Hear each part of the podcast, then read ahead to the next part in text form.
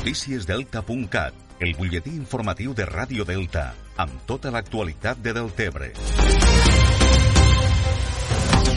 Avui dimecres 30 de setembre es complixen 10 anys de la inauguració del pont Lo Passador, una infraestructura que va suposar un punt d'inflexió en la comunicació entre Deltebre i Sant Jaume d'Enveja, que fins llavors havien estat connectats via fluvial a través dels transbordadors. Més enllà de la mobilitat, el passador ha servit per a enfortir els lligams i la cohesió entre els dos municipis. Escoltem Lluís Soler, alcalde de Deltebre i ficar-se en funcionament el pont, el passador, no només eh, ha servit per a haure una infraestructura més al territori, sinó que ha servit també per a buscar aquests lligams emocionals, aquests lligams de producció, aquests lligams econòmics, aquests lligams socials entre les poblacions de, del Tebre i de Sant Jaume, de Sant Jaume i de Deltebre, que han de permetre eh, tindre moltes més oportunitats i accions conjuntes entre les dues poblacions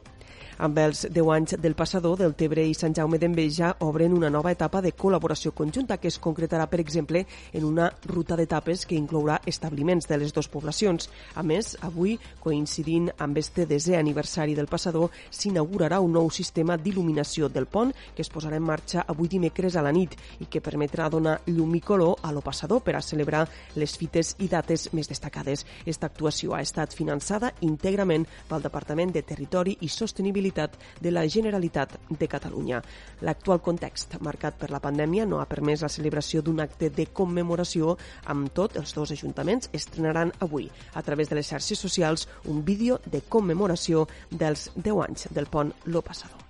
Això és tot el que us expliquem per ara. Ja saben que poden continuar informats, com sempre, a través del portal deltacat.cat.